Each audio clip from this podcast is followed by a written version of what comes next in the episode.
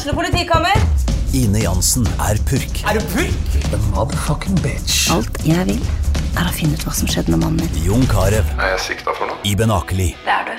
Ole So, Lars Berrum og Big Daddy Karsten. Hvem sin side er du på, egentlig? Anette Hoff, Tone Danielsen, Kommer du fra Afrika? Jørnis Josef, Nesten. Kløfta. Trond Espen Seim, Det er synd å si det, men det var feil mann som døde. Purk. Premiere tirsdag på TV2 Play.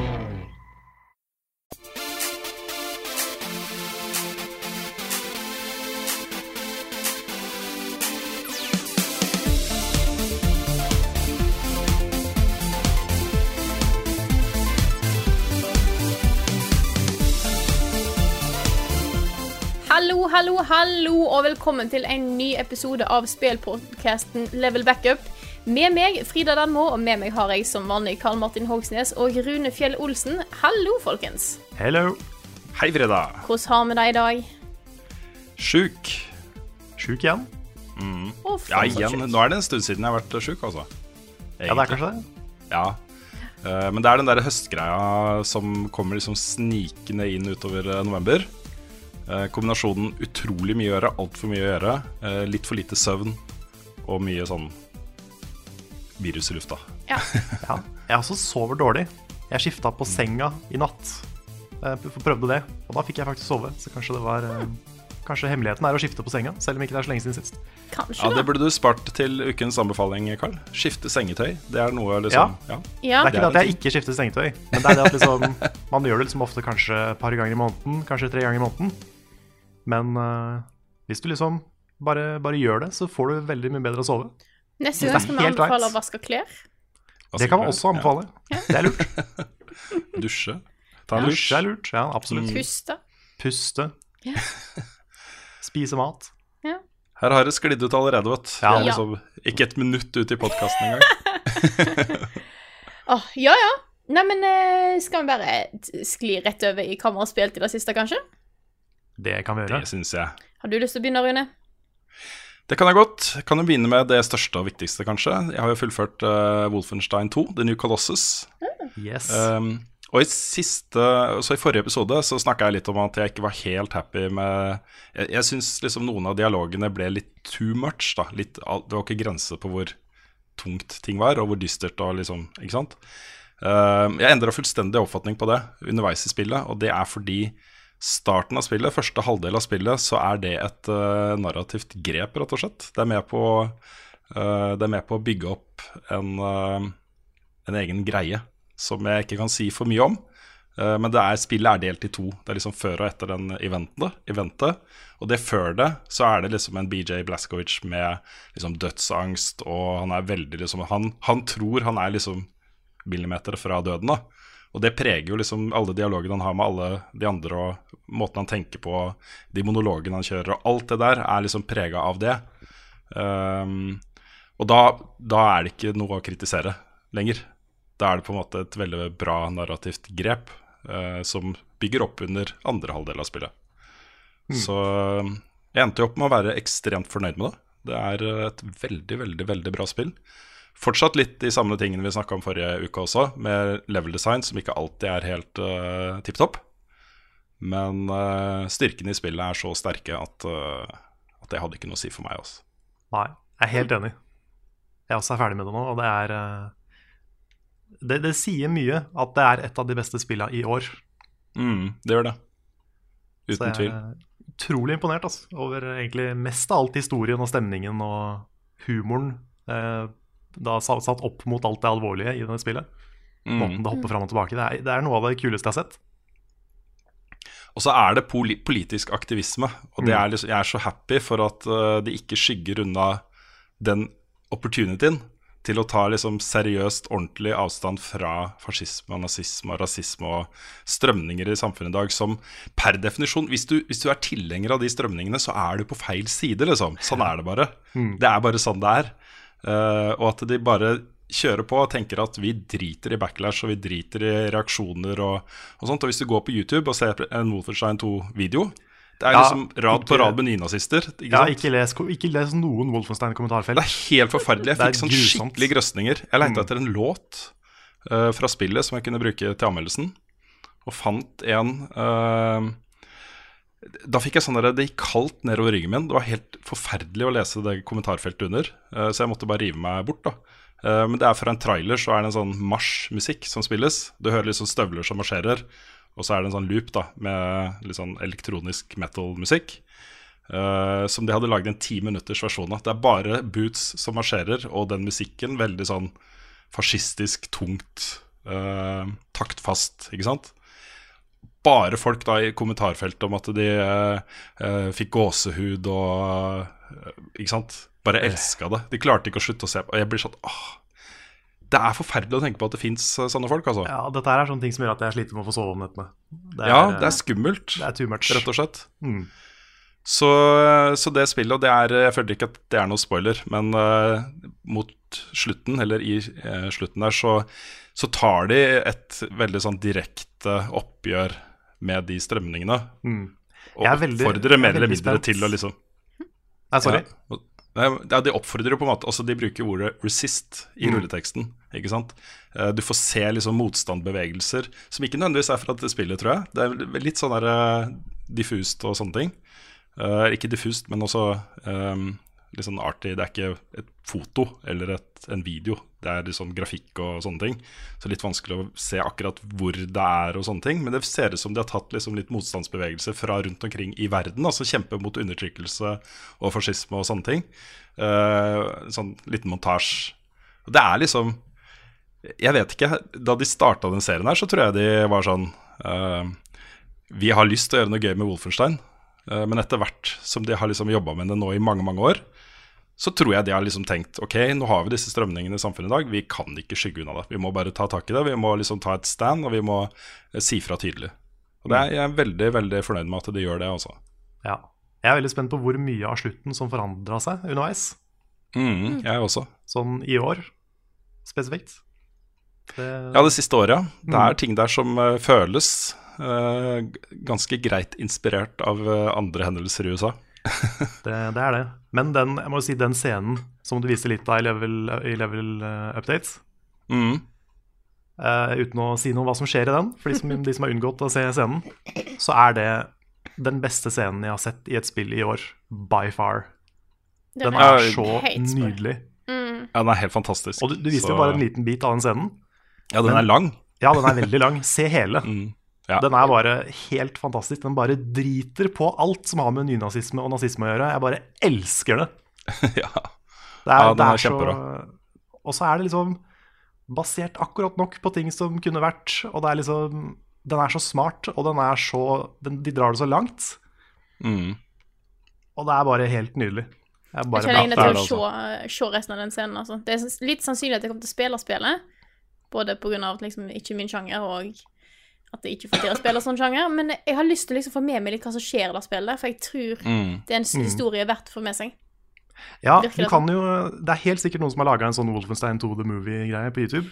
Da er det helt sikkert. Og hvis du, hvis du ser en sånn, så kunne du vært med på en spoilercast eller noe. Hei! Mm. Ja, det har vi en idé. Hvordan, inkluderer inkludere meg i uh, skytespill? Yeah. Mm. Yes. Jeg er sykt klar for en spoilercast om det spillet her, altså. Mm. Enten en hel cast eller en slutten av en podcast-greie. Det er vel verdt å Det er ting som er gøy å snakke om der, altså. Interessant. Så ja. Men jeg tar i hvert fall opp med å gi det ni av ti. Og det er tilfeldigvis det samme jeg ville gitt både Super Mario eh, Odyssey og eh, Breath of the Wild. Ja. Så da blir det spennende å se hvem som vinner eh, min eh, årets eh, spill, eh, egentlig. Ja. Det er, det er vanskelig i år. Ja, det er det, altså. Nei, jeg, jeg Så, er enig i ja. din ni av ti der, altså. Nå ga jeg både Mario og Selda ti. Um, men det er noe med Wolfenstein som treffer litt mer. Mm. Litt Ja, det, er, det er mer meg, eh, Ja. egentlig, enn begge de to andre spillene. Det er mer den sjangeren som jeg lener mot. Men eh, eh, når det er sagt, da, da kan vi gå videre til neste spill jeg har spilt i det siste. Det er Super Mario Odyssey, som jeg spilte i helgen med ungene. Og holy moly, altså, for et spill der. For et fantastisk eh, sånn ja-spill. Hvor eh, man bare har det gøy og får til ting og finner ting og blir overraska og underholdt og engasjert hele veien, liksom. Jeg er ikke død, det er ingen dødtid i det hele tatt. Det er bare gøy hele tiden. Eh, Det er liksom destillert Nintendo. Ja. Um, Ja, det er liksom Mario perfeksjonert. Ja, det er det også. Så, så jeg hadde det gøy, ungene hadde det gøy. De prøvde seg litt selv, men de var ikke helt sånn komfortable med, med å spille. Så de var eh, ganske fornøyd med å se på meg spille også. Men jeg har bare spilt det med ungene. Så de får bestemme, da. Og de vil gjerne videre. De vil se nye områder og sånt hele tiden. Så hver gang vi har nok eh, moons til å dra videre, så gjør vi det, da. Så jeg har kommet ganske langt ut i spillet, men har bare fått ca. 100 moons. Ja. Så, men det er eh, veldig gøy. Ja, det er, det er bra, altså. Mm. Det siste jeg har spilt eh, Nei, jeg har spilt to ting Neil. Eh, det nest siste jeg har spilt, er eh, Frozen Wilds, som er expansion til Horizon. Ja. Og det også var, et, var sånn deilig å komme tilbake til denne verden her. Fordi dette er jo bare et område som åpner seg opp, og du får tilgang til det fra sånn ca. level 15. Så vil si, hvis du begynner å spille Horizon nå, og du kommer til dette området, så kan du gå inn på DLC-en når du er sånn ca. level 15. da. Eh, eller hvis du har runda det, som jeg har gjort, så kan du gå inn på din level 50-karakter med Alta gear, og så dra dit og bare spille det området. Så det føltes liksom godt å komme tilbake til Aloy, komme tilbake til denne verden og ha et helt nytt område å utforske, og uh, med en del ganske sånn saftige forbedringer av spilleopplevelsen også. Så eh, det tar nok bitte litt tid før jeg klarer å komme meg helt gjennom, men uh, uh, ja, jeg koser meg veldig. Og en av de tingene jeg liker best, er at du kan plukke opp ting fra mountainen din som du rir forbi. at ikke du må gå av, for det er sånn jeg klarer, ikke, jeg klarer ikke å gå forbi ting som jeg kan plukke opp uten å plukke det opp. Uh, det er til den. eh, ah, Får helt sånn OCD på det, altså. Så, så det at det går litt fortere, det hjelper meg litt, uh, egentlig. Mm. Og det tar meg også over da i neste spill jeg har spilt, og det er Assassin's Creed Origins. Hei. Hvor det er akkurat samme greia. Det er sånn, Oi, her er det noen jeg kan snakke med, eller oi, her er det noe jeg kan plukke opp, eller en kiste eller lut, eller eh, hva som helst, liksom. Jeg klarer ikke. Jeg klarer ikke å gå forbi. Så eh, det her kommer til å ta lang tid, tror jeg. Men eh, når det er sagt, da, så koser jeg meg veldig. Så jeg har ikke kommet så langt. Blitt level 5, eh, men gjort noen missions. drive med litt crafting og kikka litt på skill-tre og sånne ting. Så, um, ja, så langt så er jeg veldig fornøyd. Dette tror jeg er et sånt klassisk kosespill for meg. Ja, jeg har, um, jeg har tenkt en del på hva jeg skal spille nå, etter at uh, jeg anmeldte uh, Sonic og da uh, Pokémon, sannsynligvis. Og det står litt mellom Horizon og Assassin's Creed nå, altså. Mm. Jeg tror jeg velger Horizon, bare for å få spilt det endelig. Det er et ganske sånn toneangivende spill for uh, 2017, føler jeg. Mm. Det er et sånt spill som jeg føler kanskje det er litt viktig å ha spilt i år. Ja, jeg føler kanskje det er mer det enn Assassin's Creed. Ja, det tror Ja. jeg du har rett i. Jeg ville sagt det samme. Mm. Selv om jeg skal prøve å få spilt uh, begge to før vi, før vi går gjennom Game of the Year og sånt, så Mm. føler jeg liksom jeg burde prioritere Horizon enda litt mer, da. Mm. Ja. Ja. Og så ble det stilt. Da kan Karl få lov til å fortsette. Det kan jeg gjøre. Ja. Eh, vi har jo spilt eh, det samme spillet, Frida. Yep. Sonic Forces. Yep.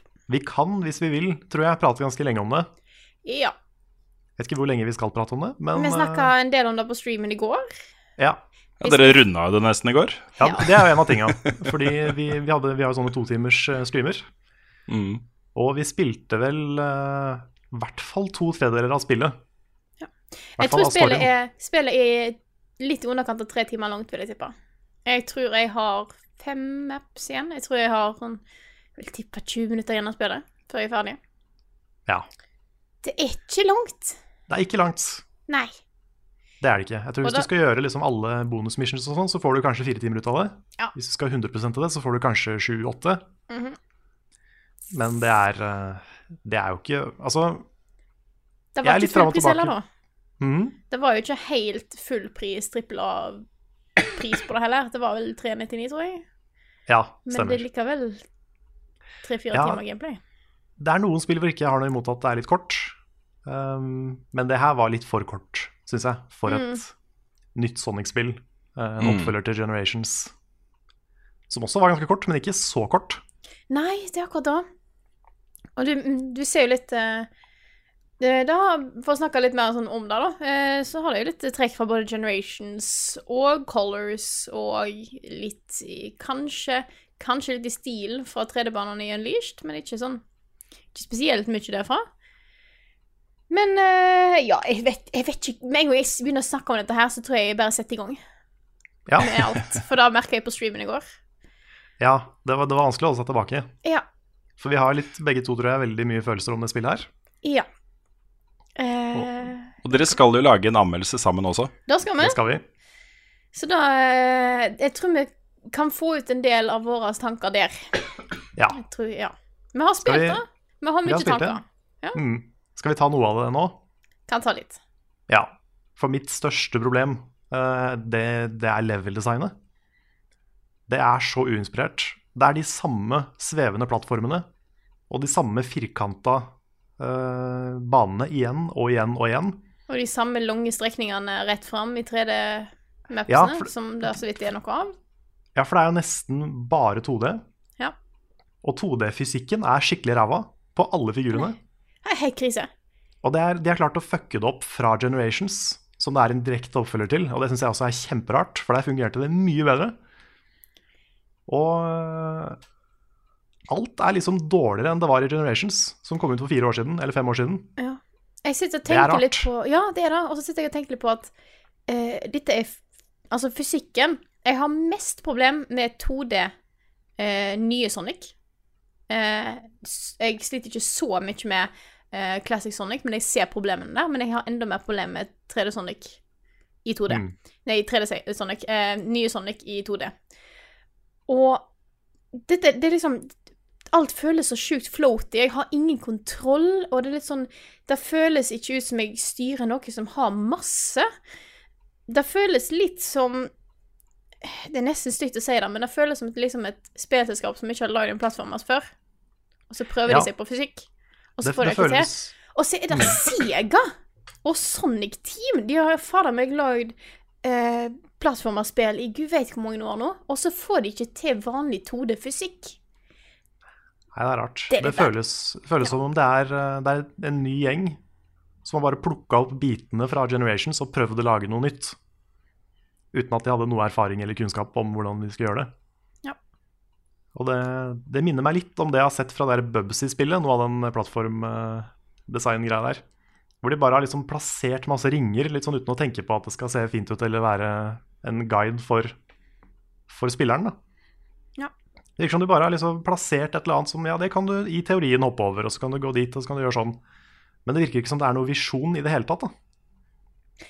Nei. Det er de kjedeligste banene jeg har sett i et Sonic-spill, kanskje ever. Ja. Det er litt sånn eh, nå, Jeg blir veldig irritert over dette her, fordi at jeg er så genuint interessert i å ha et godt 3D Sonic-spill. Det er liksom det jeg vil ha. Det er alt jeg vil ha. Mm. Det er ting jeg har eh, Det er liksom når jeg, du, du får liksom glimt av det innimellom. De eh, flotte 3D-banene i Unleashed. Uh, og så ganske mye bra i Generations òg. Og så bare går det lenger og lenger ned. Det er så, det er så trist, uh, fordi at det, det kunne blitt så bra, og da blir jeg enda mer sint. Fordi Ja. det er noe som står meg så nært, og så får de det. det ikke til. Og det er sånn, jeg har I starten av uh, Når jeg spilte starten, var jeg sånn Ja, ja, jeg liker, dette liker jeg. Dette er Ja, ja. Det er mye her som er bra, og som kan bli bedre utover spillet, og så bare blir det ikke det. Og da blir jeg enda mer trist. Og sint. Mm. Ja, det er litt rart, fordi jeg også sitter og er irritert. Fordi jeg ser hvor bra det kunne vært. Og jeg elska jo Generations og alt det gjorde. Jeg syns det naila, i hvert fall nesten naila både 2D og 3D Sonic. Og så kommer det her og liksom prøver seg på det samme, og så er det bare ikke det samme. Og så konstant så kommer det sånne små irritasjonsmomenter som ødelegger. Ja. Og øh, det var så mye ting der som hadde potensial med Jeg elsker jo hvor Det snak, Snakka vi også masse om i, øh, i går, men hvor edgy og overtøff han slemme er. Infinite. Men det er for lite Infinite. Det er for lite Infinite. Han er ikke edgy Infinite. nok. Ja, Mer edge. mer campy, mer teit. For, det er, for det, det er liksom Det er teit. Det er kjempeteit. Men det er ikke teit nok. Nei. Det er ikke teit nok til å bli morsomt. Nei. Nei, det er Men jeg sånn tenkte jo sånn. Jeg tenkte i starten Når eh, de starter med at liksom Sonic eh, blir jo faktisk Han taper jo i begynnelsen og blir eh, sendt til fengsel i seks måneder. Og bare det er jo en sånn derre Oi, nå prøver de seg på noe sånn veldig dark. Dette kommer til å bli veldig morsomt. Men så gjør de jo ikke noe ut av det. Nei. Det er liksom det er snakk om at Sonic blir torturert i mange måneder, og så bare sånn Det gikk fint. Ja, det ingen... snakker ikke noe mer om det. Nei, det er bare De sier jo faktisk det at han har blitt torturert i månedsvis. Ja. Men det har ikke noen konsekvens. Han er like fin når man finner den. Ja, ja.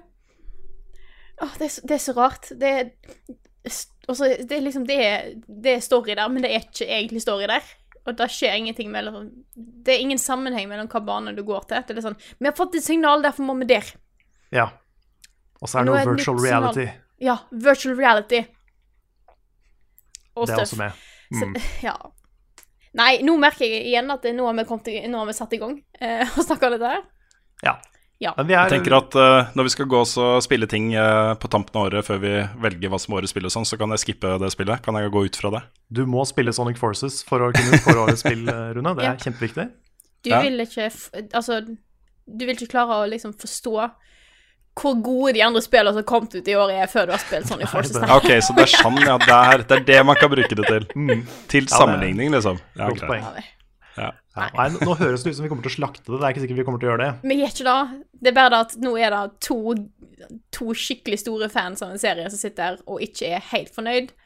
Mm. Da blir det litt mer klaging enn det kanskje ville vært hvis Rune skulle anmeldt det, eller noe sånt. Ja.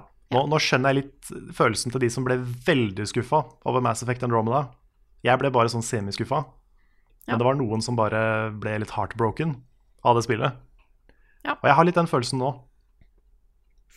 Så jeg, jeg, skjønner, jeg skjønner liksom Jeg skjønner den. Er liksom eh, Det tar noe som du er kjempeglad i, og så bare ødelegger det litt. Mm. Det, det gjør litt vondt, da. Det gjør det. Ja. Det er litt sånn eh, Jeg veit at de kan bedre. Det er det som Ja. irriterer meg. De, de kan så mye bedre. Men de har ikke giddet, rett og slett, virker det som. Høres litt sånn ut. Ja. Dette handler om inspirasjon og skaperglede og sånne ting som bare ikke er der. Mm. Og så er det enda tydeligere, da, når Sonic Mania kom ut for et par måneder siden, Ja. så, og er helt fantastisk.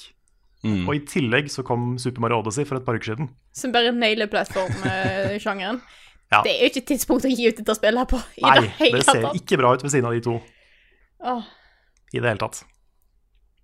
Så det er synd. Ja. Men ja, Noe mer du har spilt? altså, jeg har jo spilt andre ting, men det, nå har på en måte Sonic Forces overskygga alt. Bare sånn i huet mitt. Så det er vanskelig å tenke på andre ting. Nei, det er liksom Wolfenstein, da. Ja. Det har jeg spilt en del. Ellers så har det vært eh, en klipping av Åh, nå kan jeg endelig si navnet. Ja. Oh. Noscope. 71 grader noscope. Det er det jeg har brukt den siste måneden på. Uh, veldig mye av livet mitt har gått til det. Så uh, det har vært, eh, vært litt spilling, og det. Det er det jeg har gjort siden eh, slutten av september. Nå er jo traileren ute også. Den eh, første episoden av 71 grader noscope kommer førstkommende mandag! Det gjør den. Og den Ja. er, tror jeg jeg kan si nå, offisielt ferdig. Nice. Vi har fargekorrigert, satt opp til klokka tre om natta på tirsdag. Mm. Ja. Og nå, eh, nå er den klar, føler jeg. Det er så herlig også, jeg gleder meg sånn. Mm. Da blir, det blir kjekt å se hvordan det, hva resultatet er. Vi har jo bare sett eh, Vel, vi var jo bare med og filma inn og sett bitte, bitte små klipp av andre ting. Mm. Ikke sett hele greia, så det blir gøy. Det blir, det blir gøy. Jeg kjenner at jeg er litt sånn nervøs. Og det er lenge siden jeg har vært sånn nervøs over å slippe noe på den måten. Men det er, Mm. det er fordi vi har brukt så mye tid og krefter på det. Mm. Mm. Så um, jeg håper at det faller i smak hos folk. Du sa noe i går, Carl, som jeg syns resonnerte bra i forhold til uh, den serien. Og det er det at selv om vi har brukt masse tid, og selv om det har vært veldig mange mennesker involvert, og du har brukt gudene vet hvor mye tid på klipping og sånn, så er det fortsatt en helt opplagt indie-produksjon, liksom. Det er ikke noe sånn kjempeoverprodusert med et svært teams av folk. Vi satt jo Vi sto og holdt mikrofonen, vi andre som var med på serien, Ja ja, vi Og sånne ting. på hver Ja, ikke sant? Og én fotograf som lå på gress, eller lå på bakken noen ganger og bare var rundt og filma og sånt. Mm. Uh, og du da som har sittet aleine og klippet dette her uh, lenge. Det er litt morsomt at vi kan lage en produksjon som ender opp med liksom seks uh, ordentlige episoder av noe. Eh, og fortsatt så er det indie, liksom. Mm. Mm. Ja, det er veldig, veldig, veldig indie. Um, men jeg må gi en shout-out til fotografen vår, Alexander Føsund. Han var Mm. jo eh, one man camera crew hele den helga. Jepp. Og Jeg tror han kjente de skuldrene etterpå. da. Han hadde den kameraryggen på ryggen hele Ja, det tror jeg på. de lange dagene. Han Han var var både også flink og veldig hyggelig. Veldig flink, veldig hyggelig. Og uh, veldig god på fargekorrigering, som jeg suger på. Så han har, han har hjulpet meg veldig mye med det. Så det, jeg tror det blir, det blir pent å se på. De bildene Mm. blir veldig fine. Det er bra. Så det blir, uh, blir bra, tror jeg. ass. Jeg har trua. Så bare til å glede seg til mandag. Da eh, er det bare til å sitte klar på YouTube-kanalen vår og trykke F5 til det dukker opp. Yes. Yes. Eller Ja, abonner. det er da, Ja, da- som sagt, eh, seks, seks episoder. Eh, kommer én i uka i Mm. seks uker. Jobber også med en ganske svær bakomfilm Mm. om hele produksjonen og sånn. Så eh, kommer da etter at serien er ferdig. Kan nesten bli like morsom som serien. Kanskje. Ja. Vi får se. Men eh, Frida, har du spilt noe annet? Jeg har jo spilt Mario. Ja. Jeg har fortsatt Mario. Eh, la det litt eh, Satt det litt til sides nå som eh, eh, Sonic kom på tirsdag. Men eh, det blir jo heldigvis ikke så veldig Det blir ikke sidesatt så lenge nå, med tanke på at jeg er ferdig om, med Sonic om 20 minutter. Eh, så eh, jeg har kommet et stykke i Mario. Jeg er litt mer completionist enn da ungene til Rune er. Så jeg har kanskje jeg har kommet kanskje like langt i story-sammenheng, men jeg nærmer meg nå Jeg tror jeg er på en plass mellom 180 og 200 moons. Så jeg har ikke kommet kjempelangt, men jeg jobber meg sakte, men sikkert gjennom det og nyter hvert sekund av det. Nice. Har du kommet til Snow Kingdom? Jeg har vært i Snow Kingdom. Ja. Er ikke de fine, de der eh, små De runde? Ja, de er søte. Det er kanskje favoritt-Mario-figurene mine nå, ass. Hvis du kan race med og sånn. Ja, åh.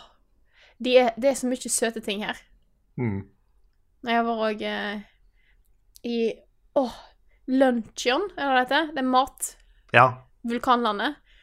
Det er så gøy å være en sånn der eh, lavaklump. Med hatt ja, stemmer og det. bart. Stemmer det. De, mm. Ja, det er kjempemorsomt. Ja. Det er så søtt. Så det er, det er så Ja. mange småting som jeg liker i det spillet her, som er gjort så bra. Ja, det morsomme er jo også at mange av de, eh, de introduserer jo liksom helt nye måter å spille på og tenke på. Mm. At det er ikke bare at du tar over de, liksom, men de, de kan gjøre ting som er tilpassa den verden. eh, og så passer alt sammen i en sånn symbiose som er innmari bra. Da. For, hver- for hver eneste verden så er det sånn. Uh, at de har abilities som du trenger, liksom. Ja. For å, ja, du kunne ikke gjort det som Mario, du må bruke de. Det er veldig stilig designa, altså. Mm. Det er bra balansert. Veldig godt gjennomført. Ukens anbefaling kommer denne uka fra Karl. Kan ikke du snakke litt om hva du har lyst til å fortelle oss om i dag, Karl? Det kan jeg gjøre. Jeg har jo, vi har Snakke litt om, om hva du har lyst til å fortelle. Ja, jeg vet det, jeg sa- jeg vet Kjempefin setning. Jeg har bare lyst til å påpeke det. Jeg Beklager å ødelegge flyten der. Jeg hadde lyst til at den skulle bare forsvinne, at vi kunne droppe at det skjedde, men greit. Alle som ikke la merke til det, har nå lagt merke til det. Ja, Ja. takk Rune. Jeg tenkte Bare Det er bra at du liksom får fram de tingene som jeg prøver å bare skyve litt under teppet. Mm. Nå stopper vi podkasten og bare kommenterer det som var feil. Yes. Ja, jeg kan, jeg kan jo også da nevne det, siden vi først snakker om det, at en gang tidligere i denne podkasten så husker jeg at jeg sa 'i forhold til', Ja. men jeg er ikke helt sikker på om jeg sa det korrekt. Nei, for du sa det ikke riktig. Jeg vurderte å nevne det, men jeg tenkte ok, vi lar den gå. Jeg tror du kunne brukt sammenlignet med akkurat, i den, akkurat da jeg sa det, men jeg er ikke helt sikker. Jeg Nei, vil jeg tror at alle dere som hører på, som nå har kommet til det punktet her Jeg vil, eh, hvis, dere, hvis dere la merke til det, og Rune sa det feil, kommenter det. Så vi Ja, kan det få kan fram dette her, for dette er viktig. For nå, har, nå er tydeligvis dette en sånn podkast der vi skal påpeke hvis noen andre sier noe feil. Nei, Nei da, det går fint. Jeg, eh, jeg la merke til det og tenkte bare sånn mm, Vi droppe det. Men Carl, kan ikke du fortelle litt om hva du har lyst til å anbefale til oss her i dag? I Det podkasten? I podkasten Level Backup. Ja. Det kan jeg gjøre. Eh, det er jo um, Det er en TV-serie, litt sånn i tradisjonell eh, stil. Som vi har gjort mye, mange ganger før. Um, det er en serie som vi har nevnt før, tror jeg. Men ikke etter at vi fikk ukens anbefaling. Eh, fordi den ikke har vært på TV på en stund. Og det er Mr. Robot, som har fått sin eh, tredje sesong nå. Og det er en bra sesong, i likhet med de Ja. forrige. Jeg har ikke fått begynt å se den ennå. Det er sånn øh, Jeg venter på at den skal komme på noe jeg kan se på uten at jeg må ty til Ty til ting. Ja, Ja. vet ikke hva du snakker om. Nei, Jeg vet ikke helt hva jeg snakker om heller, men uh, det er så bra, altså. Det er veldig bra. Ja, Og den, og eh, sesong tre starta bra også. Den har starta kjempebra. Ja, kult. Det er jo eh, Ja, skal vi si litt om hva konseptet er, for de som ikke har sett serien? Det er jo kort og greit en uh, serie om en, uh, om en veldig smart og veldig ja, utilpass person uh, som, som er hacker. Han, og det er en veldig sånn naturlig fremstilling av hacking. Det er ikke sånn Hollywood-hacking. Eh, men det er veldig mye indre monolog. Veldig mye Han er det som heter en unreliable narrator, hvor det er kanskje ikke alt du får se og høre som er riktig. Så det kommer mye twister underveis, uten å si Mm. hva de er. Um, men det handler da om å ta ned, eh, rett og slett kneble liksom tidenes største IT-firma, er det riktig å kalle det? Ja, Det er litt sånn en kombinasjon av Facebook og Google og alle de som styrer internettlivene våre, på en måte. Ja, det er, E-Corp heter de, og de blir Ja. da kalt Evil Corp, fordi det er de, det er de onde suitsa på toppen som styrer verden. Og de skal da tas via hacking. Mm. Og eh, den historien er ganske kul, og den, eh, den handler liksom Utgangspunktet er det, eh, men det tar en del vendinger og blir en del mer da, etter hvert. Som er veldig kult. Og merker at dette er en serie som er laga av skikkelige geeks som vet hva de prater om, hva de holder på med. Mye filosofisk inni der. Mye inspirasjon fra f.eks. Fight Club. Sånne ting. Mm. Så veldig verdt å se. Den har hittil ikke vært dårlig. Den, det er tredje sesong, den er fortsatt dritbra. Veldig bra skuespill også. Han, eh, Hva heter han? Ishmael? Nei, Sam, heter er det Sam Esmail? Noe sånt. Ja. Han spiller kjempebra. Veldig troverdig i den rollen. Uh, har ikke han også vært med og skrevet serien? Jeg lurer på det. Jeg lurer på om det er en fyr som har nesten samme navn. Ja, det kan hende. Det kan hende. Ja, for det er, noe, det er noen navn jeg blander der. Ja. Og så har jo Christian Slater en fantastisk rolle i den serien også. Og. Det var sånn morsomt å se han i en sånn comeback-rolle. Det er jo en, eh, en, eh, en storhet fra gamle dager, også mine gamle dager. Eh, Så masse Christian Slater-filmer. Han var en av de store skuespillerne for mange mange år siden. Gøy, og, gøy når de gamle heltene blir trukket fram og er fortsatt bra folk, liksom. Nå har jeg googla litt, Mm. Og det er skrevet av Sam Esmail, men dere tenker på Rami Malek. Ja, Ja da. hvorfor blander vi de? Det er ikke like navn. Ja, ja, jeg vet det. Det er Jeg tenker rart. liksom at hovedpersonen heter Sam Esmail, og det er skrevet av Rami, men det er omvendt. Ja, Mm. Mm. Ja, jeg er også blanda der. Åpenbart. så da er Det er bra du er her, Frida. Ja, det Jeg prøver å google litt sånn i, i sånn stille. Jeg har mekanisk tastatur, så det bråker litt, så jeg prøver liksom å så sakte og stille Ja, jeg kan. Jeg hørte ingenting, så jeg er Nei. imponert. Mm. Takk. Jeg har noe på pro Han, eh, han som spiller hovedpersonen Ja, Sorry. Jeg er nå tydeligvis pro i liksom stille googling. Mm. Ja. Det er litt morsomt. Jeg har sett noen sånne eh, paparazzi-bilder av han hovedpersonen.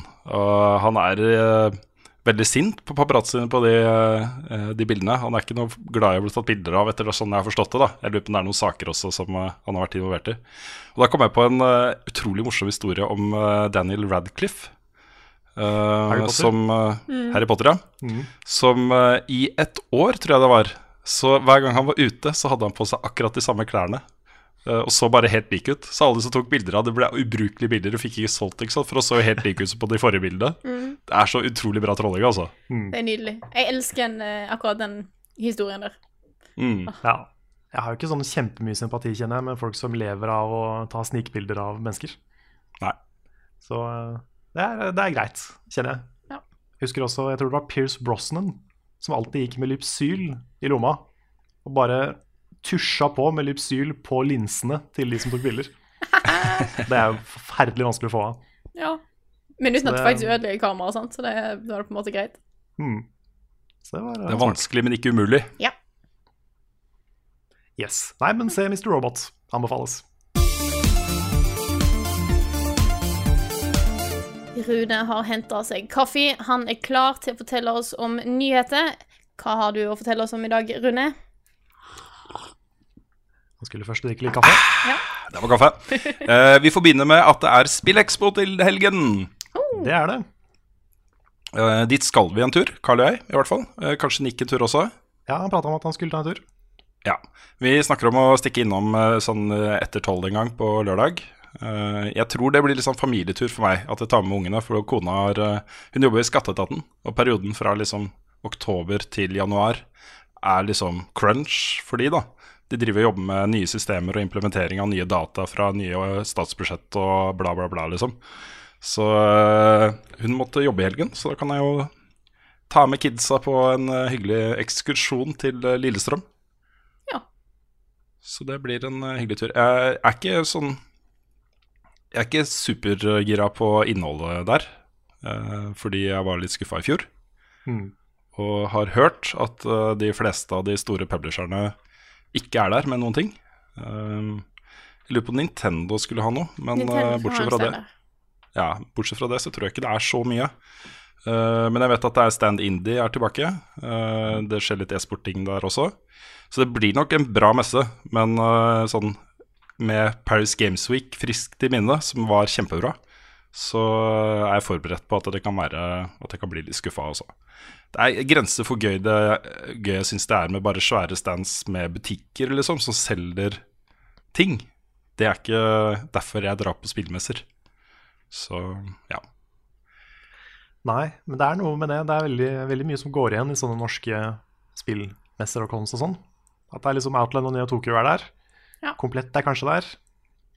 Eh, og så er det, hvis de er heldige, så har de fått noen uh, spillselskaper, liksom. Mm. Men uh, det er mye av det samme, altså. ja. Det nye år er jo at de har en liten sånn mini eh, The Gathering der oppe. En egen LAN-hall med plass til noen hundre mennesker. Så um, det kan vokse ting ut fra det som er bra. Jeg håper at ikke de uh, gir opp. Jeg vet at ambisjonsnivået deres er mye høyere enn det vi fikk se i fjor. Um, og hvis ikke de får det til i år, så håper jeg de ikke gir seg. Jeg håper de fortsetter å pushe på. Uh, at det blir en kulturmønstring for alle oss som er interessert i spill i Norge. Et uh, samlingspunkt og et uh, sånn årlig begivenhet folk kan glede seg til å dra på. Det er masse gøy ting å gjøre der, og nye spill å prøve, og ting kanskje som ikke har kommet ut. og Interessante foredrag og osv. osv. Så, videre. så jeg håper det kan bli det det ønsker å være. Ja, det, det skal jo sies, da. At um, et spørsmål vi får nesten oftere enn alt, enn alt annet, det er jo 'skal dere på Spillekspo'? Mm. Gjerne sånn i april. Ja da, det er helt sant. Så de har gjort noe riktig. Og skapt Mm. Spillekspo som en sånn samlingsgreie. Da. Ja. Absolutt. Apropos så eh, har jeg søkt om pressepass. Det var litt morsomt, fordi på den siden hvor du skulle kunne søke om pressepass, så var det bilde av deg og meg, Carl. Ja, det var det. Ja, Det er veldig eh, morsomt hvis vi får avslag. Ja, fordi jeg har ikke hørt noe fra dem. Jeg har ikke fått noe svar tilbake, og det skulle ha kommet forrige uke. Ja, samme Så det hadde vært kjempegøy hvis vi fikk avslag. Det hadde vært nesten verdt det, altså. Mm. Så Da syns jeg jeg skal bytte ut bildet eh, til et bilde av oss to som ser lei seg ut. Ja. ja, kjempegøy. Og kanskje sånn Greit. kryss over ansiktet, sånn 'disse to har ikke avgang'. ja. Denied. Mm. Greit. Uh, vi går videre med uh, den største saken kanskje fra uka som har gått. Uh, jeg, me jeg mener å huske at vi har spekulert i dette her før, Mm folkens. Men Niantic skal lage et nytt AR-spill basert på en annen stor property, nemlig Harry Potter. Ja. Harry Potter Wizards Unite heter spillet, og det er jo da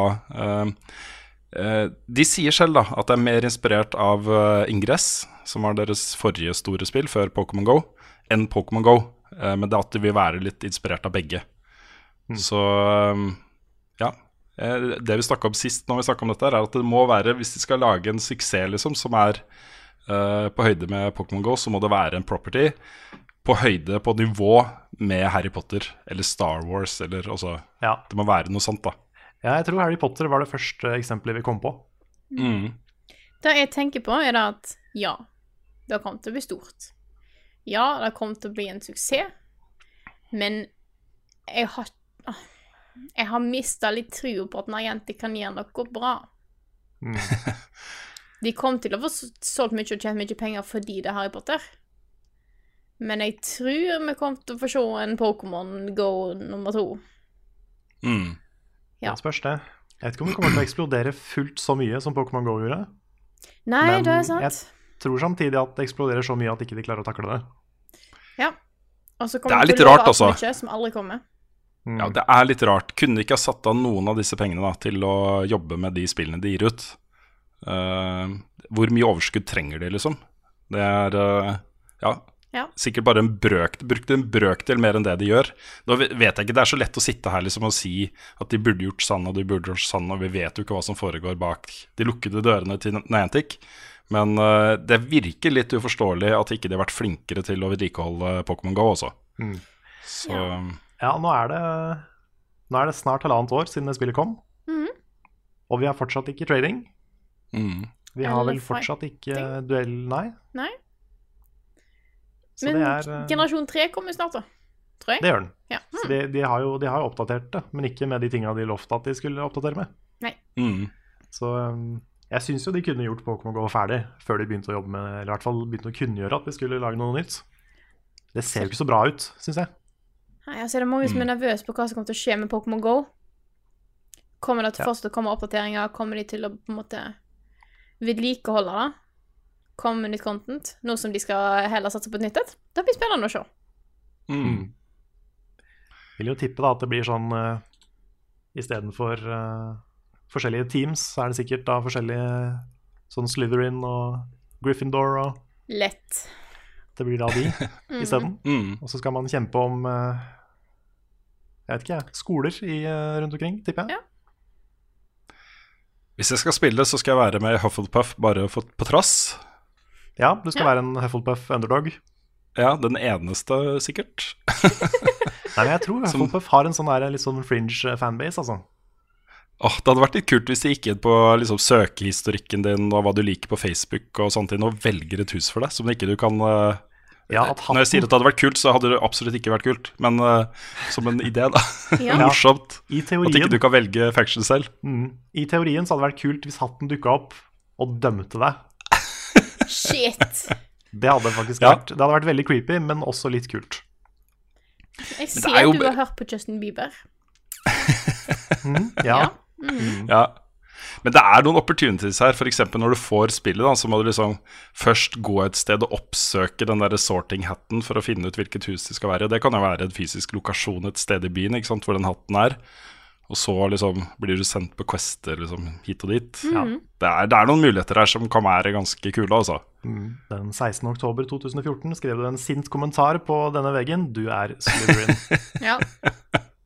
Det, vet du hva, Hvis jeg hadde gjort det, hvis jeg hadde gjort det Quest-basert Sånn at Mm. liksom, ja, du er nødt til å gå bort her, eh, og sånn spesifikke lokasjoner. Ikke sånn Det er en, på, det er en ting i nærheten.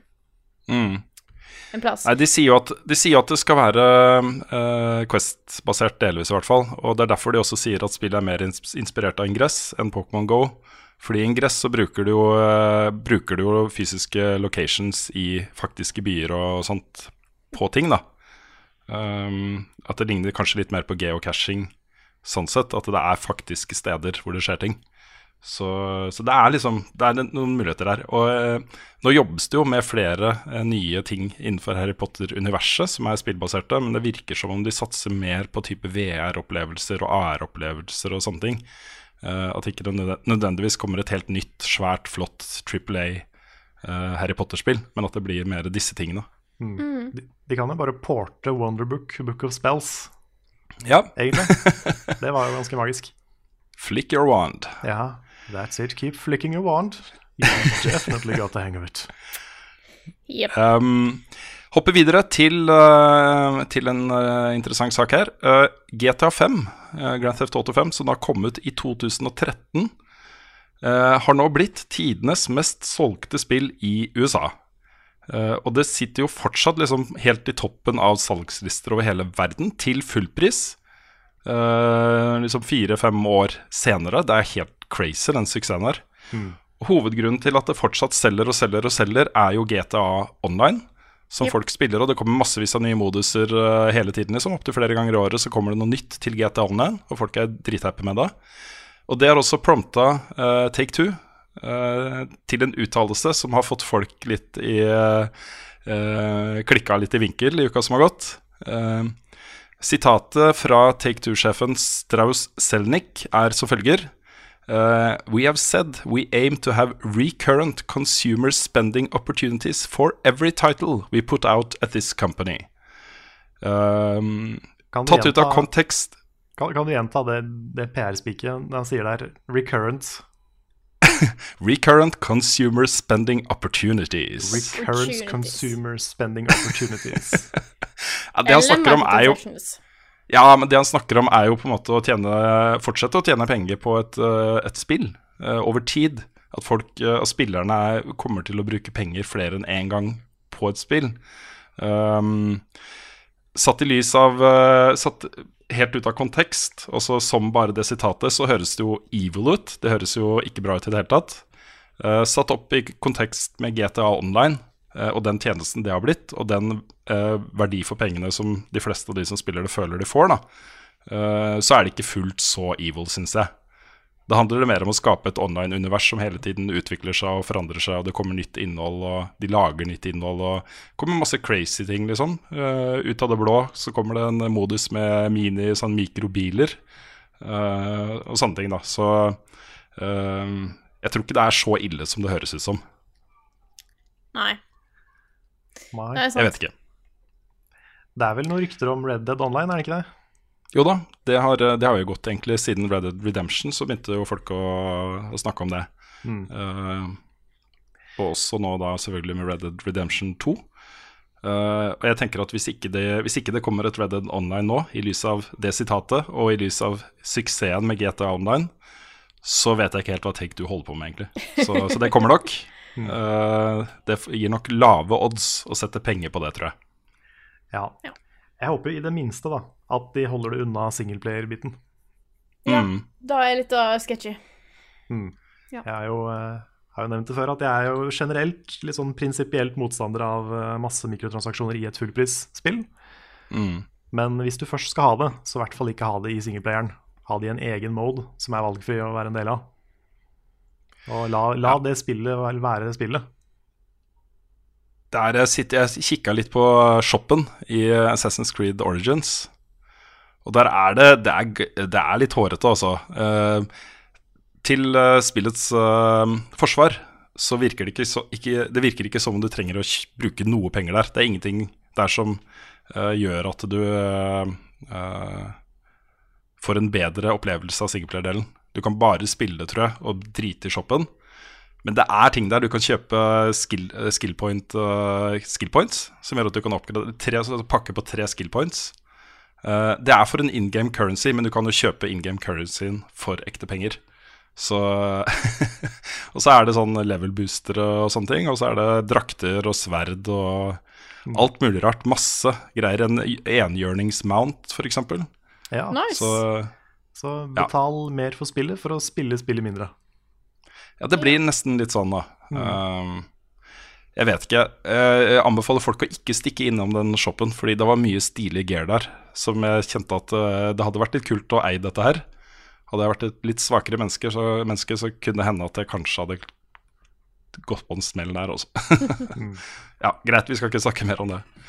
Um, et annet spill som selger innmari bra om dagen, er jo uh, Player Unknowns Battlegrounds. Det har nå runda 20 millioner solgte spill. Herregud. Det er ganske crazy. Wow. Ja, det er ikke lansert offisielt ennå. Um, det kommer vel på Xbox One og PC før jul, sier det. Og PlayStation 4 rett over nyttår. Etter det jeg husker, da. Jeg husker ikke helt. Det var noe sånt.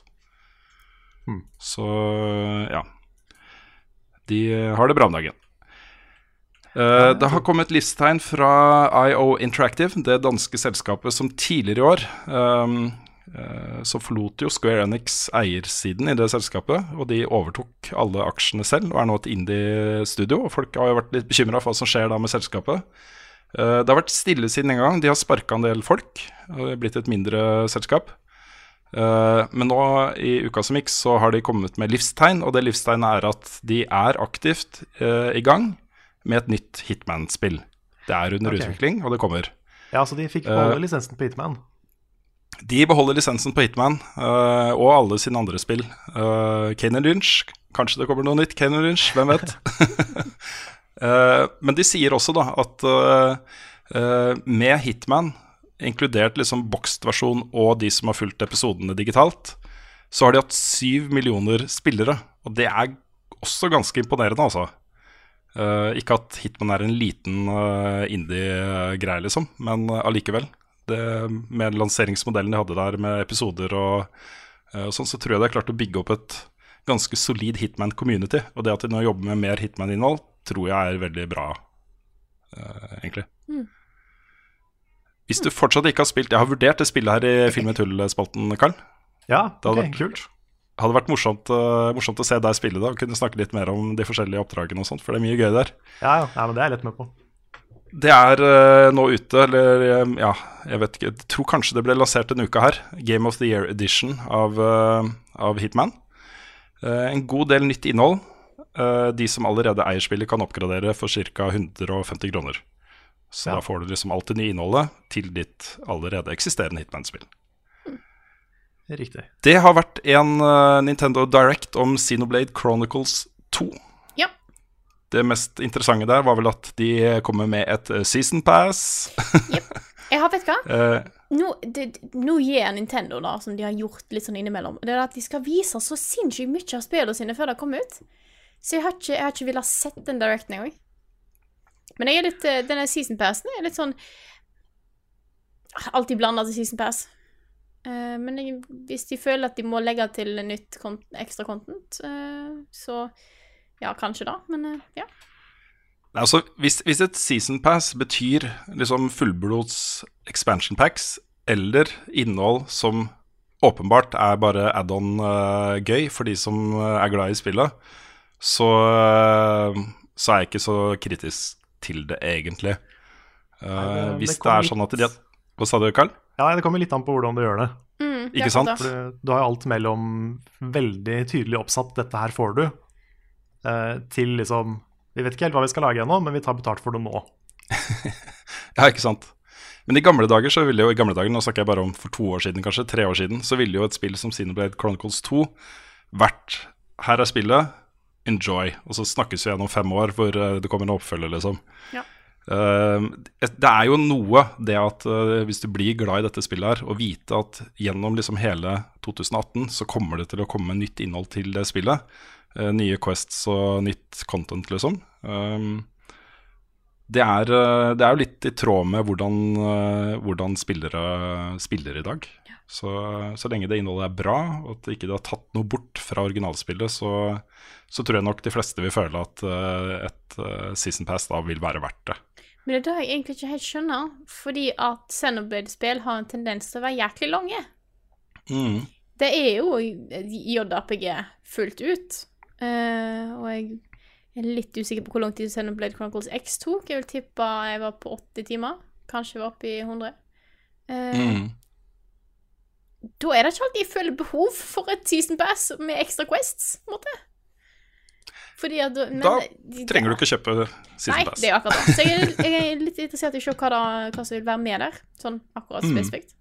Det kan være de har snakket om det på Directen òg, jeg har bare ikke fått det med meg fordi at jeg ikke vil se den. Men eh, jeg gleder meg Jeg til tror de, jeg tror de snakka litt konkret om hva som faktisk kommer av eh, innhold, men jeg Ja. Ja, jeg så har ikke sett The directen heller. Eh, de lanserer også eh, på lansering en oppdatering til spillet som gir dual, dual audio. Det betyr vel at du kan kjøre japansk lydspor, er det ikke det det betyr? Yes! Dette har jeg fått med meg. Dette syns jeg er bra. Dette liker jeg. Eh, jeg Mm. har en et, jeg, har, jeg har jo sett en del anime. Jeg syns at anime og japanske greier er best på japansk. Mm. Med noen unntak. Jeg spilte Persona 5 på engelsk. Fordi eh, måten ting var satt opp med lyd, så ville jeg hatt problemer med å få med meg alt som skjedde. Eh, men jeg har planer om å spille Xenoblade på japansk med engelsk tekst. Det høres bedre ut. Høres riktig ut. Ja, spesielt med spill som har den der anime-stilen, Ja. så føles det mest riktig for meg. Jeg spilte også Persona Mm. 5 på engelsk. Eh, Final Fantasy pleier jeg å spille på engelsk. Hvis jeg har muligheten. Hvis ikke det bare er engelsk, så velger jeg fortsatt engelsk.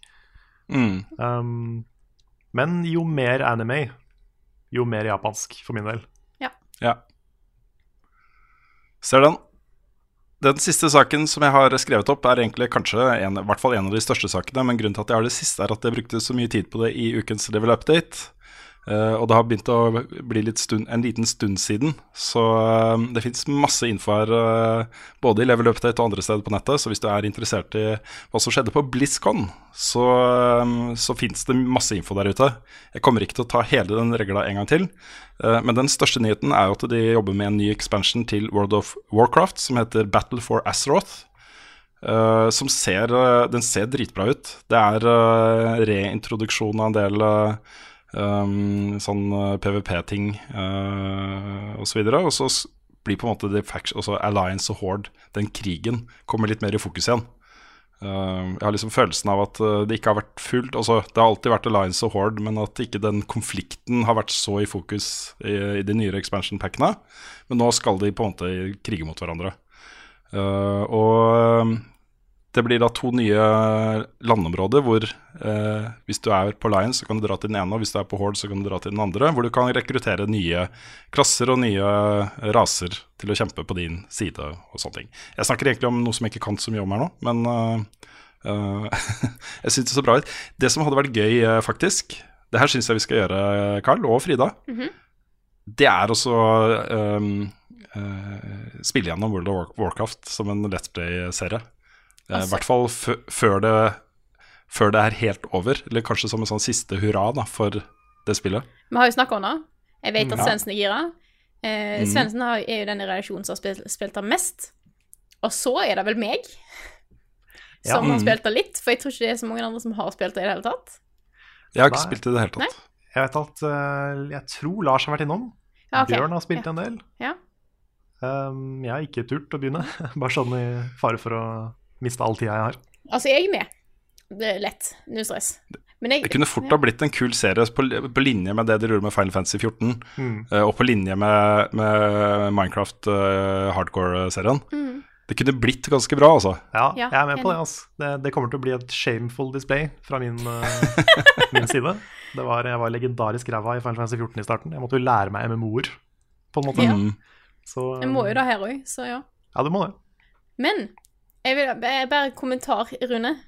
Og da er det at jeg vet at det er mange som ikke syns at da er den største nyheten at det kommer en ny expansion pack. Nei, eh, mange er jo veldig veldig happy for at eh, Blizzard lager en World of Warcraft Classic-server. Ehm, det blir jo da uh, slik eh, WoW var før første expansion packen kom. Ja. Så anno 2004, 2005, delvis 2006. Ehm, og det er jo da selvfølgelig inspirert av uh, den Vanilla-serverne som fansen lagde. Og de to mest sentrale folkene bak den Vanilla-serveren er også involvert i Classic-versjonen. Um, Blizzard ble spurt hvorfor ikke de bare ansetter de folka i Blizzard. Og det sa de at det har de lyst til å gjøre, men de er fra Frankrike, så det er vanskelig etter bevisum og sånne ting. Så jeg vet ikke. de er for tungt involvert i det, og eh, både de er kjempehappy, og de som har vært involvert i uh, den Vanilla-serveren, er fornøyde. Det er på en måte, jeg tror det er det de ønska å oppnå med å gjøre dette her. Det er å få, eh, få den sånn klassiske WoW-følelsen tilbake. Mm. Ja, det var en kjempesak da de serverne ble stengt. Ja. Mm. Ja, Blizzard framsto jo som eh, litt slemme, liksom. Uh, og de vil jo ikke si rett ut at vi har lyst til å gjøre dette selv. Uh, rett og slett. Det de ønsker, er jo at ikke på en måte, det skal være noen WoW-servere som er World of Warcraft, deres brand, deres uh, varemerke. Og så kanskje de driver og banner folk uten grunn, kanskje det er, foregår ting på den serveren som de ikke har kontroll over, og som kanskje til og med er ulovlig, eller uh, harassment. Også det er mange mange ting da, som kan skje som går utover deres merkevare på en sånn ting. Eh, og det er i hvert fall veldig veldig bra da, at ikke de bare la det ned fordi de var redd for det, uh, men at de erstatter det med offisielle, offisielle Classic-servere. Så det, det kommer nok til å bli gøy. Det er ikke noe, gitt noen datoer ennå, men uh, det antydes jo eh, høsten 2018 for eh, WoW Expansion og Classic-servere etter det en gang. Jeg, tror- jeg tror ikke de kommer først. Nei, litt sannsynlig. Ikke sant? Jeg tror du vil ha folkene inn i, inn i expansion først, og så, eh, så starter nostalgitrippen. Så neste høst blir det kanskje World of Warcraft uh, Let's Play for Level Up. Level no. Shit, ass. Jeg vet ikke hvor, hvor omfattende det er å, spille gjennom, å spille gjennom World of Warcraft nå. Jeg tror det går greit. Jeg har Jeg begynte jo i Kataklysmen. Uh, spilte meg Det tar jo litt tid, da, men uh, Mm. vi får det til. Vi får det til. Ja. Det, det kan bli Det blir nok kutta ganske kraftig nedover sånn i episodene, men eh, det, det kan bli gøy. Vi må finne et format på det som gjør at vi kan gjøre dette konseptet over en ganske begrensa, intens periode. Fordi hvis vi skal gjøre nå liksom at vi skal uh, starte på level 0 og spille helt til 120, uh, innom alle expansion packs og de største raidene og sånne ting, uh, og det tar et år, så liksom for hver dag som går, så øker mulighetene for at jeg blir fortapt inn i dette her Ja. ganske dramatisk. Ja. Så vi må ha en plan, folkens. Så må vi gjennomføre den, og så må vi være ferdig. Og så banner vi Rune når vi er ferdige. Ja, det, det, ikke sant? det hadde vært veldig bra. Kan dere være så snill å gjøre det? Please.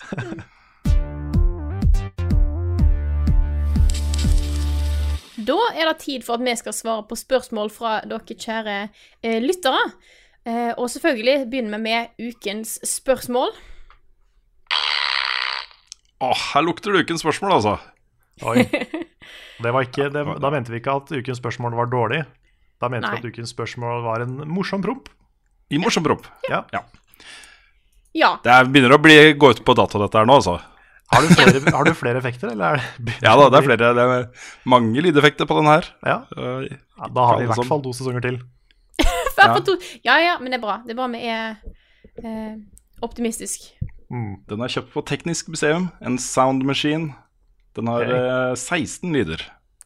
Wow. Hvor mange har du brukt nå? Tre Ja, men da har vi Tror jeg. 13 til. Ja, ja. Ja, man har jo det. Det er ikke Null problem stress. engang.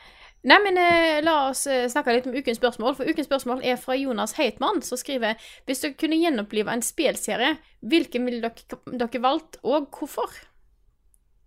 Mm. Um, jeg altså Det her kommer jo litt tilbake til de tingene vi har snakket, brukt litt tid på de siste ukene. Uh, det er jo at alle spill skal være open world, alle spill skal være sandbox, uh, gjerne med online-komponenter osv. Jeg savner litt den derre sånn derre ensom uh, eh, utforsking av fremmede planeter og et sånn sci-fi-univers som du føler deg litt alene i, og ting er litt mystisk, og du vet ikke helt hva som skjer på neste planet eller neste område og sånne ting. Så den serien som jeg har mest lyst til å se et nytt kapittel i, uh, det er Marathon. Det er jo Bungie. Det var jo på en måte der det starta for dem. Eh, de hadde eh, to maratonspill på 90-tallet som er fantastiske, særlig Maraton 2.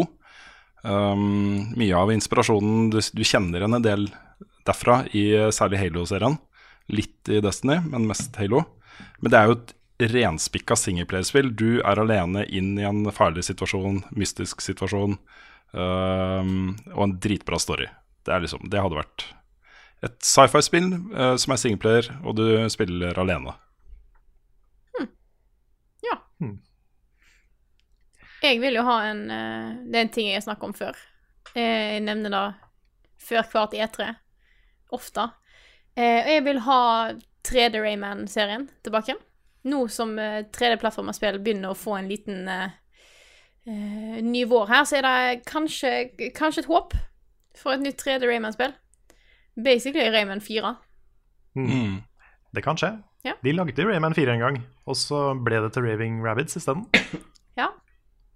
Det, det, Det var masse screenshots.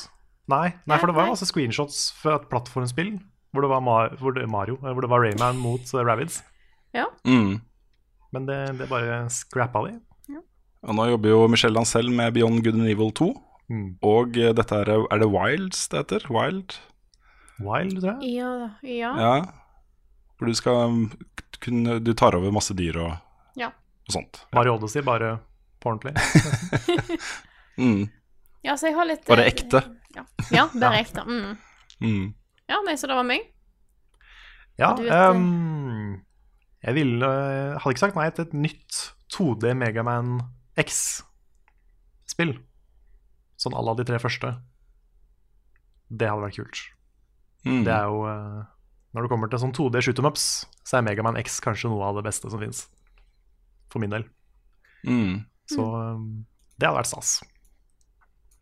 Um, Ja, jeg fikk jo tilbake en av mine Det jeg kanskje normalt sett ville svart her eh, tidligere år, med et nytt 2D Metroid-spill.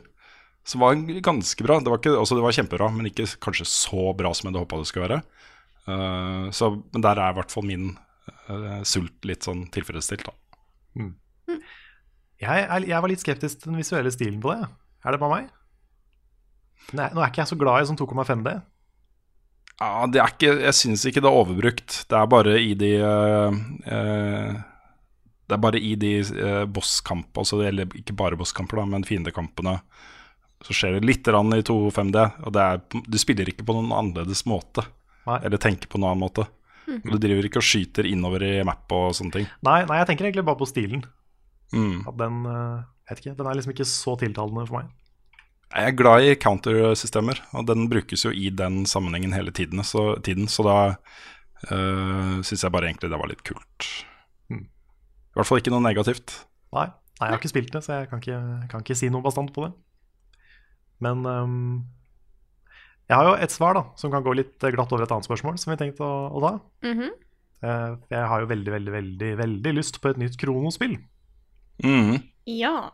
Så da kan vi gli litt sånn fint over i neste spørsmål. Da tar vi neste spørsmål her, eh, fra Erik Gjelde på Patreon som spør kan dere vurdere å fortsette på Kronotrigger med et annet medlem av redaksjonen, så slipper de som har gleda seg lenge til spillet, å bli skuffa, samt de som har kjøpt spillet for anledningen av Fyll et hull, får fullført turen sammen med dere.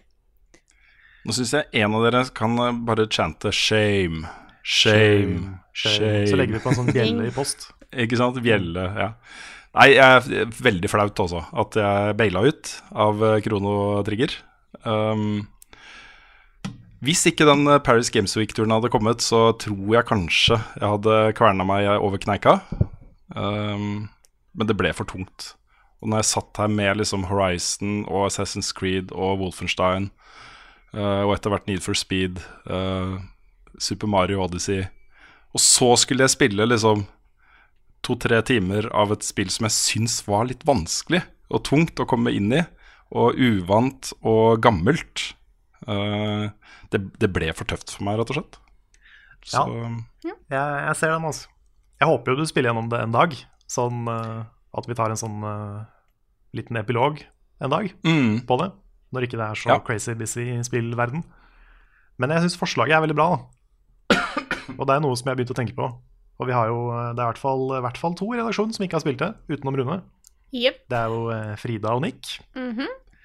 Så um, vi kan jo uh, gå tilbake til det en dag, kanskje over jul, yep. når det har roa seg litt. Uh, hvis, uh, Frida, hvis du, Frida og Nick har tid. Jeg er gjerne med. Nice. Etter jul. Etter jul. Ja. Det er litt for, litt for busy nå til at vi kan ha to serier gående samtidig. Oh, ja.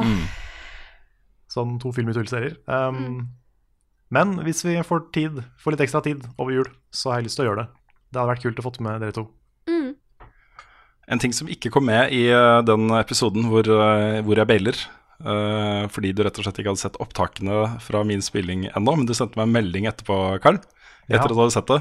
Jeg trodde jo jeg hadde gått inn i menyen og klart å equippe beste gearet mitt.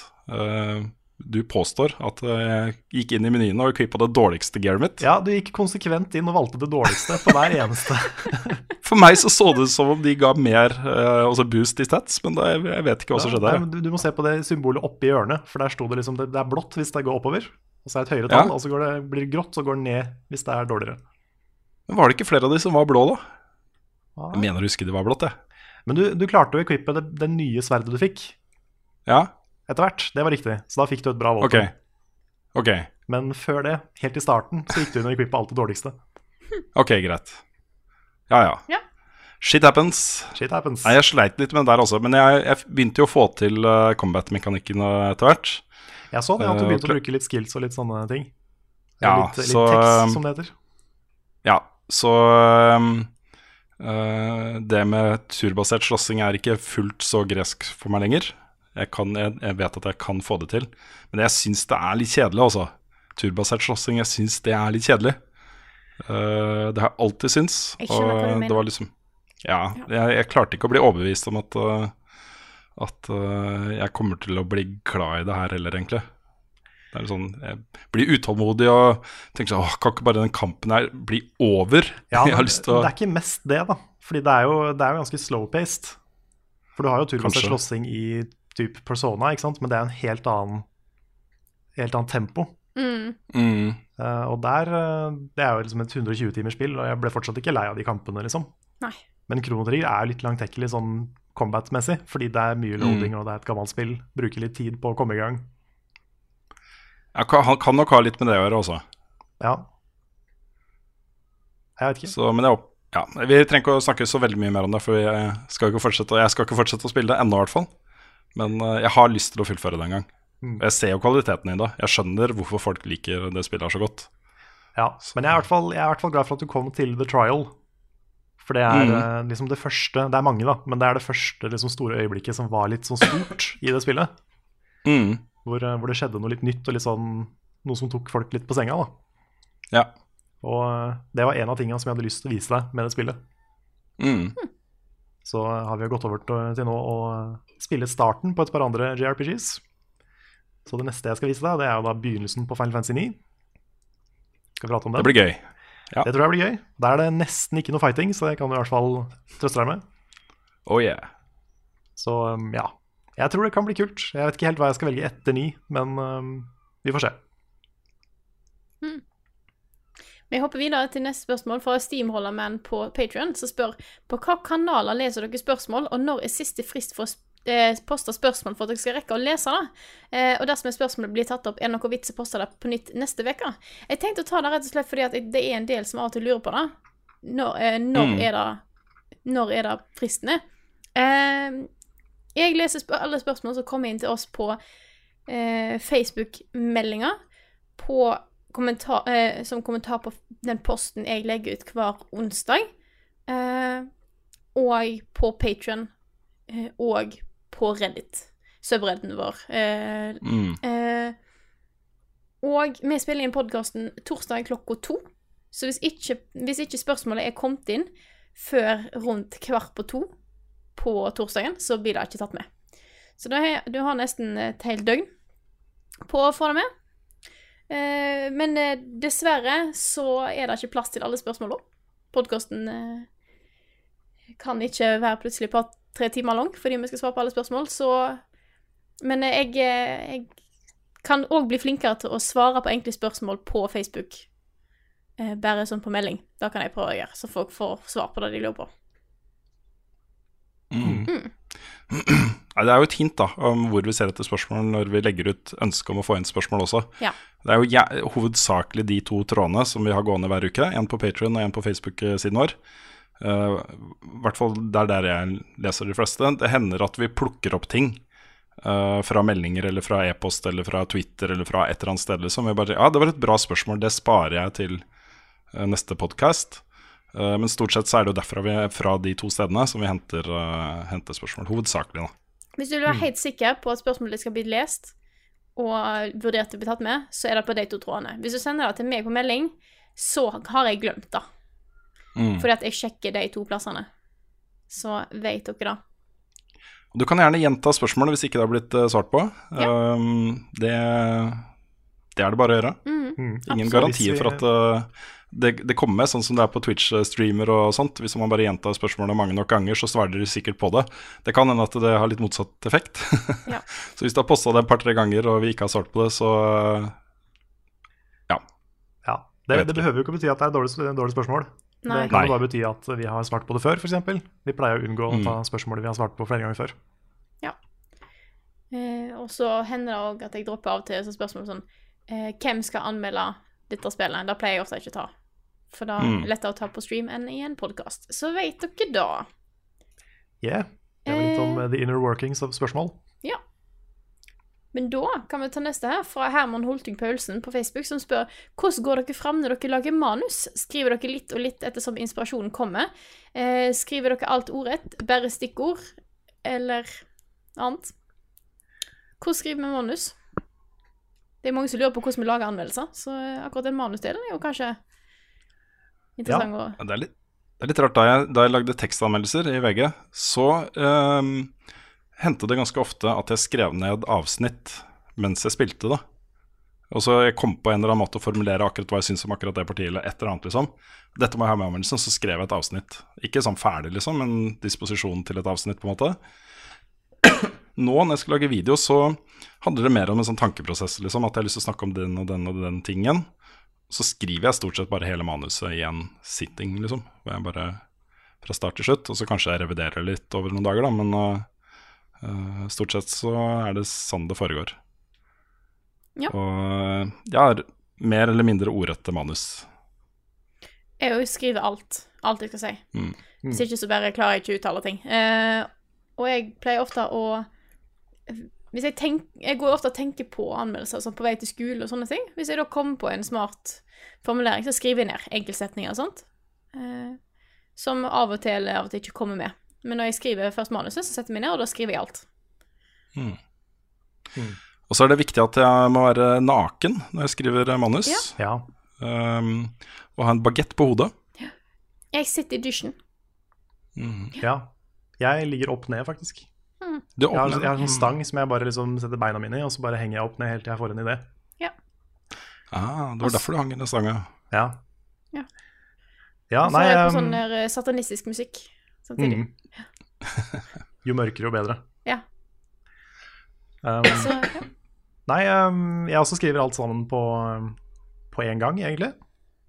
Også, uh, men jeg har ofte litt notater da, underveis, som jeg liksom sitter og skriver på telefonen min. Det er ofte notater som ikke noen andre enn meg hadde skjønt. Så det er liksom bare masser ord som gir mening for meg og ingen andre. ja.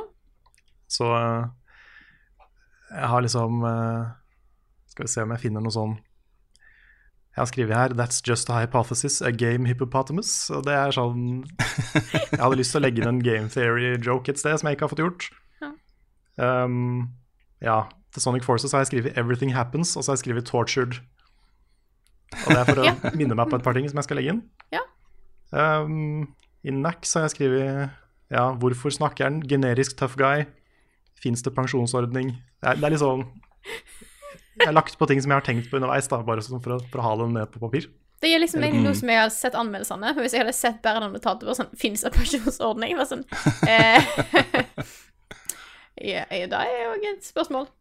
Ja, her altså Dette er ting jeg aldri har brukt, da, men jeg har, der står 'Inspector Budget'. Har jeg lagt til et sted. Og så er det en lang greie med sånn 'Sier ha det'. Skaller i taket, detter i vannet, flyter med huet ned, kommer opp igjen, vinker, kaster opp.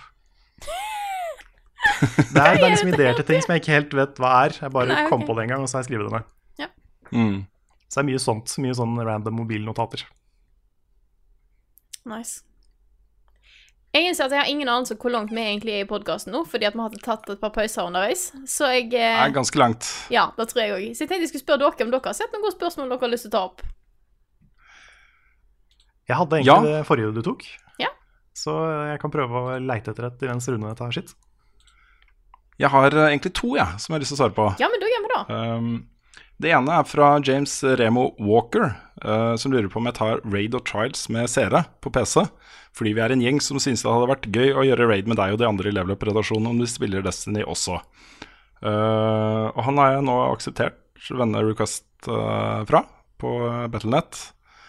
Og i tillegg så er jeg med i eh, Destiny-klanen til eh, Level Up Community, som heter eh, The LVUP Cartel. Som er kjempebra. 100 medlemmer. eh, dritbra Discord-server.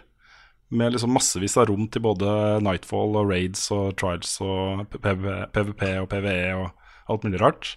Og veldig mye hyggelige, hyggelige mennesker. Så det syns jeg bare er eh, kos. Så ta gjerne et, eh, et raid med James en gang, og vennene hans. Yeah. Det andre spørsmålet jeg hadde lyst til å svare på, er fordi eh, det er litt sånn relatert til både Mr. Robot og uh, Wolfenstein. Eh, jeg hadde med dette her fordi jeg trodde det var jeg som hadde ukens anbefaling, så jeg har forberedt en ukens anbefaling. Eh, nå gjør jeg det ting litt vanskelig for meg sjøl, for nå må jeg finne på noe nytt til neste uke. Eller neste gang det er min tur. Men eh, spørsmålet er fra Bjørn Magne Bakke og lurer på om vi leser tegneserie eller manga. Og da hadde jeg lyst til å anbefale en serie som heter Transmetropolitan. Som, uh, uh, som er politisk aktivisme, det også. Handler om en journalist som heter uh, Spider Jer Jerusalem. Han er litt sånn klassisk journalist, men det er jo en veldig atypisk historie. dette, En sci-fi-historie. Men han er liksom ute etter å ta rotta på alle de som kontrollerer i samfunnet, liksom, og gjør driver med undertrykkelse og overvåking og alle disse tingene her, liksom. Veldig morsom, veldig mørk, uh, veldig bra. Ja. Hm. Har dere noen tegneseriefavoritter? Jeg leser masse manga. Det gjør jeg alltid. Har jeg, jeg har hatt en liten pause, nå er jeg tilbake igjen. Akkurat nå leser jeg Attack on Titan, eh, Dr. Stone, One Punch Man, eh, Berserk. Berserk anbefales på det sterkeste. Nydelig, eh, fantastisk tegna manga som er veldig, veldig mørk, veldig seriøs. Eh, ordentlig bra action. Det er en av de beste mangaene jeg har lest ever. Eh, han er ganske en ganske mange kapittel. De har en pause akkurat nå, så det er noe dritt. Eh, og så leser jeg òg en som heter Tower of God, som jeg, har, som jeg er glad i. Så jeg eh, har alltid et par, tre, fire manga som jeg eh, venter på nye kapittel på. Hmm. Ja, jeg har eh, lest ganske lite manga, men jeg har jo da favorittserien min Evangelion, som også er en manga. Så der har jeg alle. Mm. Um, så har jeg liksom lest Death Note og sånne ting, men det, det blir liksom veldig mainstream i, i manga. Så jeg har ikke lest så mye, ass. Jeg har lyst til å lese mer. Jeg har eh, noen flere favoritter, da, men alle mine favoritter innenfor eh, comic book-sjangeren er liksom de mest kjente verkene i den vestlige verden. Så det er Watchmen, ikke sant. Det er eh, Dark Knight-trilogien til Frank Miller.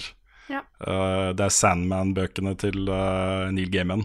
Mm. Men de er så bra. altså De er så fantastisk bra. da Så uh, hvis du ikke har fått med deg noen av de store tingene der, så er det jo vel verdt å eh, ta det tipset. Det er, der er Ja. mye bra content, altså. Det er definitivt en grunn til at noen av de der blir populære. Mm. Mm. Jeg fant et spørsmål, da. Ja. Fra Johannes Opptun. Han uh, sier når noen skal kåre årets spill, så blir remasters og remakes ikke tatt i betraktning, siden dette teknisk sett ikke er nye spill. Men hvor kan vi plassere Sonic Mania i dette, med tanke på at at på åtte av de tolv sonene i spillet er remix-soner fra de gamle spillene? Um, det er riktig at noen deler av de sonene er tatt nesten rett fra gamle spill. Men jeg vil likevel si at Sonic Mania er et helt nytt spill. Ja, Det definitivt. er, eh, det er veldig inspirert og veldig eh, basert på det gamle, men spillet er nytt. Og til og med det som er tatt fra gamle ting, er oppdatert og gjort om på. Ja. Så um, de har liksom brukt samme skins. De har jo Green Hill og de har Chemical Plant og sånne ting. Men uh, level-designet er såpass nytt at det er, uh, det er et nytt spill. Det var et godt forsøk på å prøve å få det spillet ekskludert fra kåringene våre, men uh, det funka ikke. Nei, det, det kommer på min topp ti, såpass kan jeg si. Da tror jeg egentlig vi avslutter litt eh, spørsmålsdelen her. Jeg liker når dere tar opp spørsmål som jeg allerede har på lista mi, som vi allerede er planlagt å ta, men så gir jeg dere muligheten og sånt òg. Eh, før vi avslutter, vil jeg ta en Det er ikke et spørsmål, men en kommentar fra Nikolai eh, Traveler, Traveler, ja. Ikke noe spørsmål, men fy som jeg gleder meg til serien deres. Om dere lager mer som dette, eh, som dette virker at det er, så er jeg superpumped. Stå på. Nice. Takk, Nikolai. Det er alltid koselig å høre at folk er gira på det vi lager. Veldig koselig. Kan jeg, kan jeg si det jeg sa på slutten av streamen uh, i går også? Ja. Fordi uh, jeg har sett det er en del, uh, kanskje spesielt youtubere, som har et publikum som ikke er så glad for når de prøver nye ting. Det er jo jeg har sett noen eksempler på at ja, kommentarfelt har klikka hver gang en youtuber eller en person har sagt at de har lyst til å prøve noe nytt. Um, sånn er ikke vårt publikum. Vi får så mye støtte og så mye entusiasme når vi prøver noe nytt, sånn som dette her er. Og det er så utrolig deilig, og det er så befriende. Det å, det å merke at man kan prøve liksom å utfordre seg litt. Man kan prøve litt nye ting som ikke er i gate med det vi har gjort før. Og det er greit. Og det er så utrolig bra. Så det er jeg supertakknemlig for. Den uh, tilbakemeldinga vi får på f.eks. den nye Noscope-traileren. Mm. Og eh, bare det at folk er åpne for at vi gjør litt nye ting, det er kjempedeilig. Så Det er dritbra, rett og slett. jeg veldig, veldig glad for. Ja. Ville bare si det. Ja.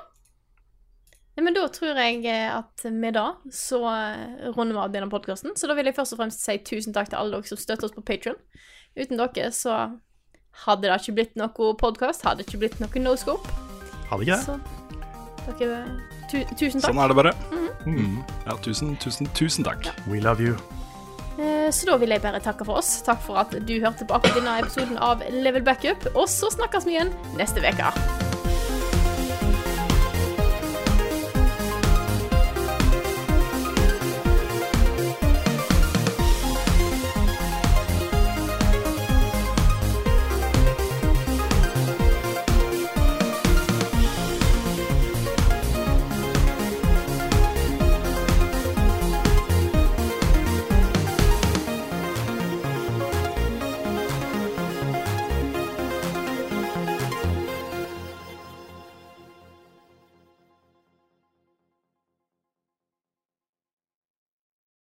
Har du et enkeltpersonforetak eller en liten bedrift? Da er du sikkert lei av å høre meg snakke om hvor enkelt det er med kvitteringer og bilag i fiken, så vi eh, gir oss her, vi.